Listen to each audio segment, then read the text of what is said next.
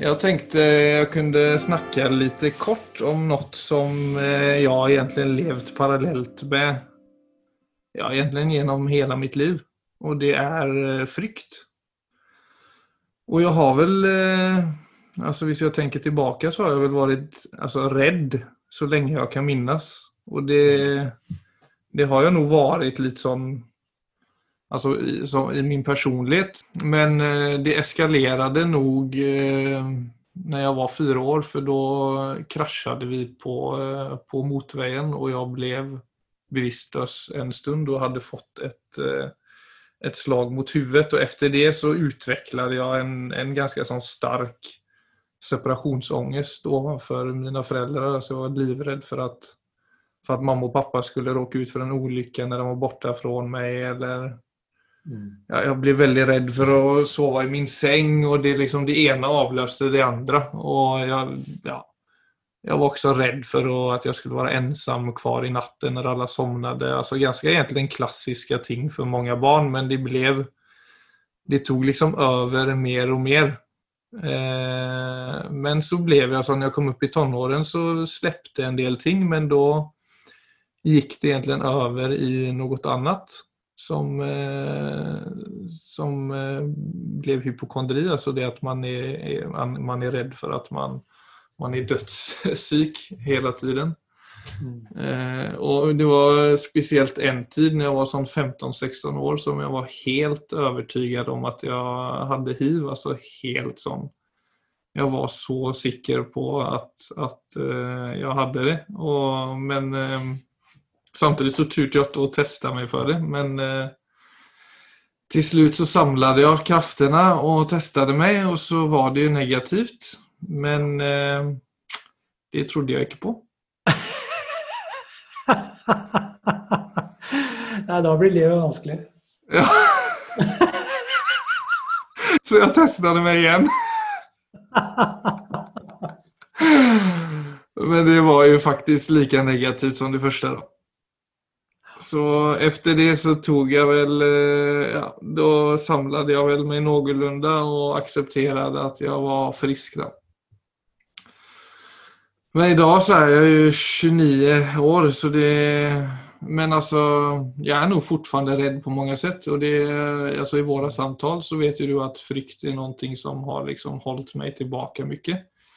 Och jag, men jag klarar nog av att genomskåda den idag, alltså se den lite mer för vad den är, vill jag nog säga. Och i bästa fall i bästa fall så kan det nog vara ibland till en fördel också att den ligger lite som ett bränsle bakom mig istället stedet för rätt framför ögonen hela tiden.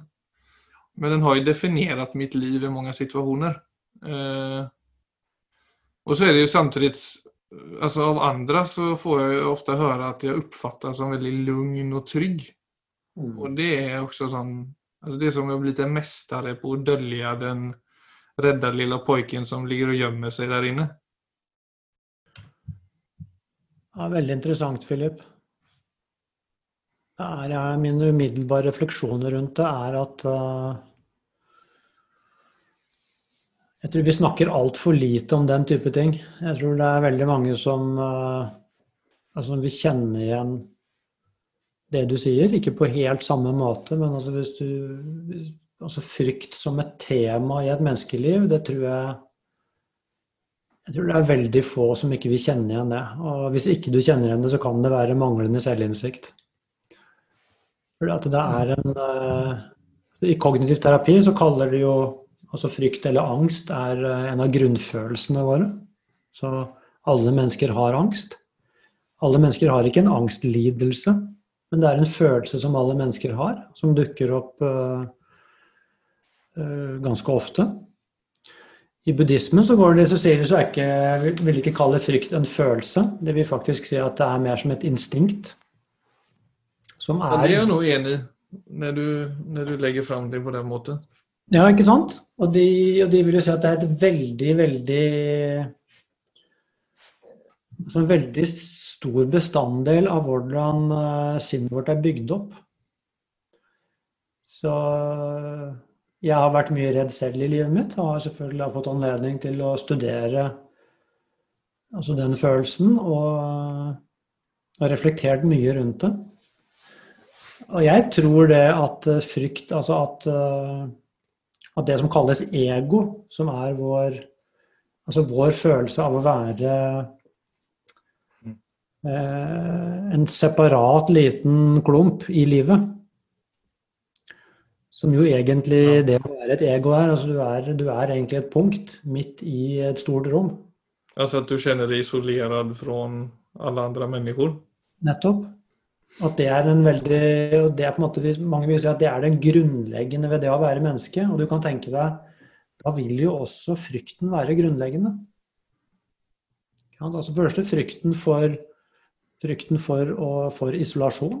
Altså frykten for å være alene, for å være avkuttet fra eh, andre mennesker og livet. Vil alltid være der som en skjult trussel. Og, og like mye så er det jo da frykten for at For det vet vi jo, at denne lille klumpen med liv den har en begynnelse, men den har også en slutt. Så døden ligger jo hele tiden og lusker i bakgrunnen. ikke sant? Og det er sånn Og så er det da bare Og hva er det for noe? Nei, det aner vi jo ikke, men det blir da frykten for det ukjente.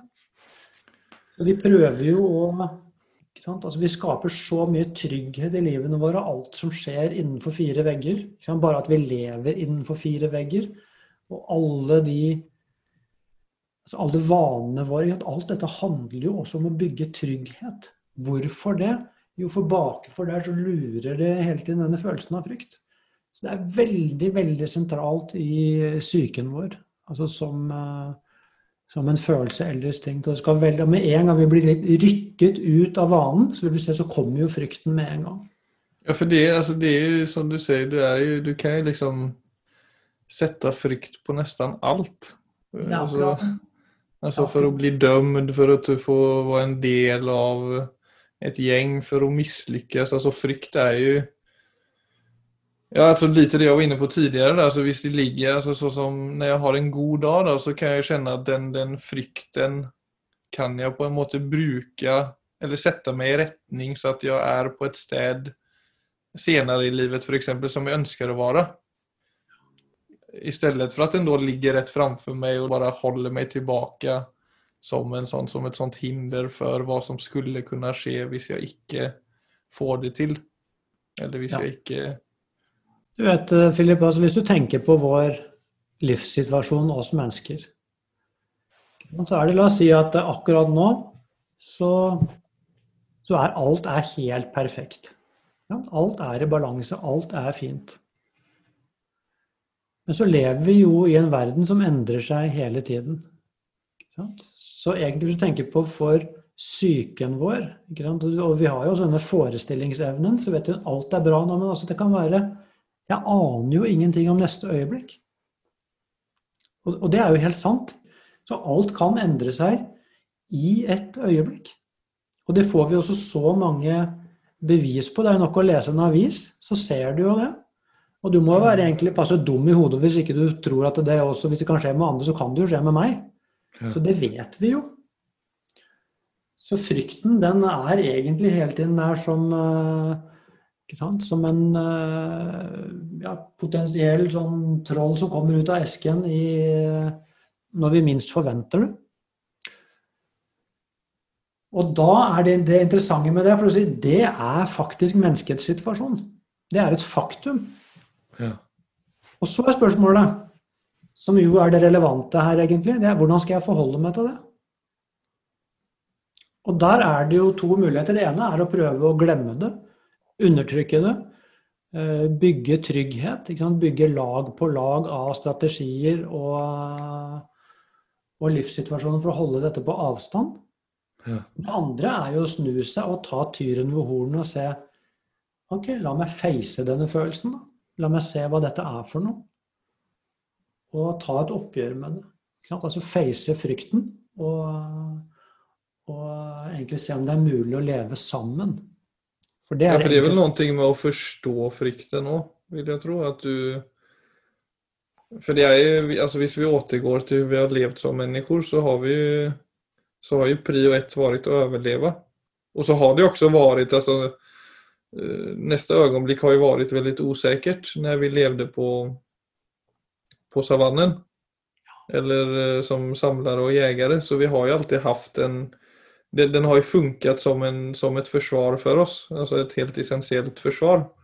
Ja. Så det är någonting med att den kommer ju in i bilden idag på samme sett ofte, men uten en god grunn. Ja, det er, jeg tror det er, det er, der du sier det vesentlige. Ikke sant? Altså frykten i gamle dager, altså i riktig gamle dager, så var jo de tingene vi frykta, var jo stort sett uh, fysiske og konkrete. Så det var Så frykten på en måte hadde en uh, Altså når vi ble redde, så var det forståelig. For det var stort sett noe konkret. Og det handlet jo stort sett om uh, om konkret overlevelse. Mens i dag, når egentlig alle disse tingene er tatt vare på, så har jo frykten flytta inn i Den har gått bort, egentlig bort fra det biologiske og inn i det psykologiske. Så nå er det jo mer Det som skaper frykt i dag, er jo ofte sånne ting som uh, sammenligning, mm. bekymring, grubling. Uh, og Selvfølgelig så kan det bli eksistensielt, så det kan bli sykdom og død og sånne ting. Men det er, det er veldig mye som egentlig bare er at tankene løper løpsk, uten at det egentlig har noe rot i virkeligheten. Så det blir en mye mer uhåndterlig frykt. For uansett hva du gjør i det ytre, så kan bare frykten sette seg på, på neste tema. Ja. ja, for det er litt som om frykten sitter på vakt. Ja, også, ja, den sitter på vakt. Du kan kaste seg på hva som helst. ikke sant? Så, så i, i, dag så er jeg redd for det, og så løser jeg det, men så setter bare frykten seg på noe annet. Så vi får jo, Mens frykten er den samme hele tiden. Frykten er bare én følelse. Men kan jo, frykten kan jo sette seg på 10 000 forskjellige ting. Og så går vi like iherdig inn i neste tema. Og så ser vi ikke at det som egentlig skjer, er bare denne følelsen som ikke jeg klarer å håndtere. Så der er det jo på en måte det radikale skiftet som kan skje, det er å vende oppmerksomheten bort fra det jeg er redd for, og mot selve frykten. Altså, kan jeg forholde meg til denne følelsen?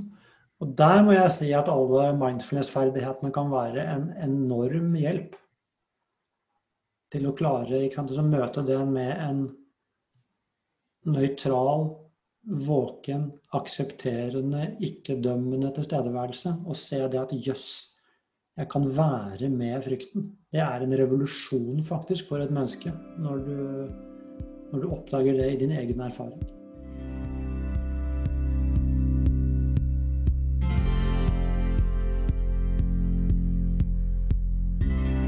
Altså I min erfaring så har jeg jo merket det nå når jeg har blitt voksen og klarer av å se ting klarere. Så, så den rollen som frykt har spelat for meg, og kanskje skapat mest Og når den skapat mest problem det er jo at jeg har en sånn tendens til at om jeg opplever noe som jeg instinktivt ikke liker, altså jeg får en følelse eller en tanke eller en situasjon som jeg ikke trives i, så kommer frykten veldig fort. Altså jeg blir veldig redd for at situasjonen skal eskalere, for at känslorna skal bli verre. Altså veldig sånn direkte.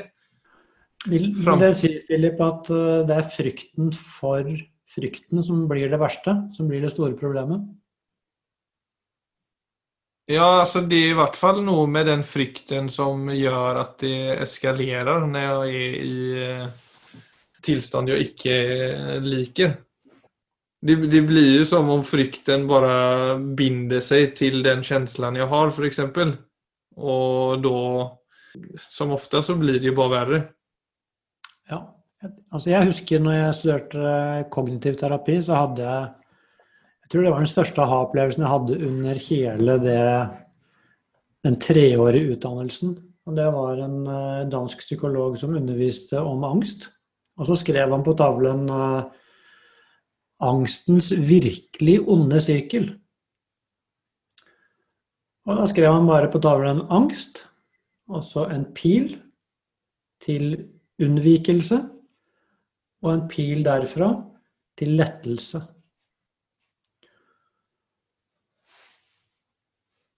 Og da blir man fanget i angstens virkelig onde sirkel. Og det er rett og slett det å For denne følelsen er så ubehagelig, så det er jo helt naturlig når den dukker opp, så prøver man egentlig å bli kvitt den. Altså, man vil ikke ha den følelsen. Og da har jo vi bare de vanlige verktøyene våre, det er jo å prøve å kontrollere det. Enten ved å prøve å dytte det bort, prøve å unnvike det eller distrahere oss, eller uh, søke en eller annen form for det vi kaller sikkerhetssøkende atferd. Mm. Men egentlig alt handler om følelseskontroll. Og det er strategier som virker fornuftige på kort sikt. Og så ser vi ikke det at det det gjør, at vi blir fanget i angsten på lang sikt. Og så blir man bare gående i en sånn sirkel hvor dette har en tendens til å bli verre og verre og verre.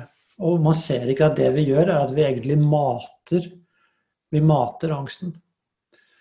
Så det som bryter ut av den onde sirkelen det er, Og det er jo så kontraintuitivt, særlig for vår, eh, for vår mer primitive hjerne, det er at denne følelsen dukker opp. Og så er det å ikke stikke av. Det er å bare møte det. Og det som skjer da, er jo at det blir verre med en gang. Men da får du en anledning til å se hva er det egentlig denne følelsen er for noe? Hva er det egentlig som skjer i kroppen min? Hva er det egentlig jeg erfarer? Er det egentlig farlig? Hva skjer hvis jeg blir stående? Hva skjer hvis jeg bare møter denne følelsen? Og det rare som skjer det øyeblikket du våger det, er at det begynner å roe seg ned. Så det er som egentlig nesten som en sånn det er nesten som å ha et mareritt, altså hvor noen jager deg i drømmen. Det er ganske vanlig å ha. Ofte så kan det bli sånn mareritt som kommer igjen og igjen. Ja. Men det øyeblikket du i drømmen Det er sånn det er noe utrolig stort og mørkt og ekkelt som forfølger deg. Og så plutselig i drømmen så stopper du opp og snur deg. Du får motet og sier OK, nå får jeg se, da. Så får jeg heller dø. Og da blir ofte det til noe helt sånn trivielt. Så i det, i det øyeblikket av mot, som gjør at du snur og bare møter det direkte, så blir det ofte til noe konkret og smått og håndterbart. Og sånn er det med denne følelsen nå. Så det er jo en, eh, en ferdighet, egentlig, som, som, Dette burde vi lært på skolen. En av de mange tingene vi burde lært, det er å forholde oss til følelsene våre. Og ikke minst da disse vanskelige følelsene, spesielt frykt og angst. Ja. Og, eh, så er det ikke en quick fix, men altså, da får du et verktøy som du kan begynne å trene på. Som du kan Nei, men Det er jo enda måten å prosessere det på på en god måte, vil jeg, vil jeg tro. For det er noe med tanker og følelser altså, hvis, Som du sier, hvis vi tillater dem å komme og gå, så gjør de jo nettopp det. Men hvis vi insisterer på å holde dem fast med f.eks.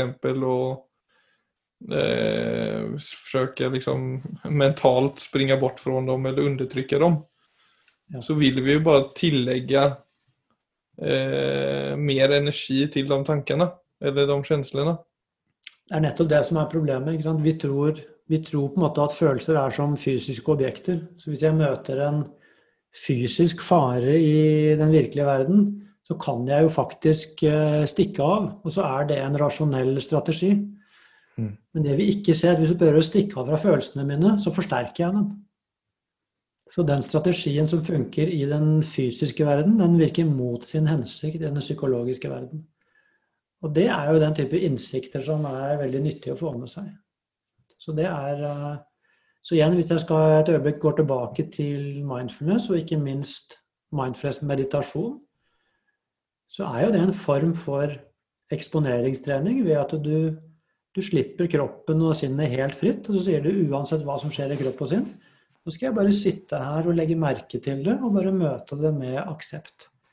Og da lærer du det at jøss, uansett hva som dukker opp, så, så, er det greit. Altså det kan være ubehagelig innimellom, men ved at jeg sitter ved det, og ved at jeg ikke gir det noe mer næring, så blir det plutselig borte. Og det er enorme opplevelser av mestring som man kan da videreføre videre inn i livet. Ja, det er eh, noe med det, altså. Det er, eh, det er, det er kanskje veien når man ønsker å kvitte seg med følelsesmessig bagasje, og ikke minst bli bedre på å komme i kontakt med øyeblikket. At ikke hele tiden låte tanker og følelser komme i veien for det vi ønsker å oppnå. Det er jo, eller Tanker er jo tross alt bare hendelser i sinnet, og det representerer jo ikke alltid sannheten. Så det er jo, det är på hvilket sett vi møter våre tanker og følelser, og ikke tankene og følelsene i seg selv, som definerer hvordan vi har det og våre liv.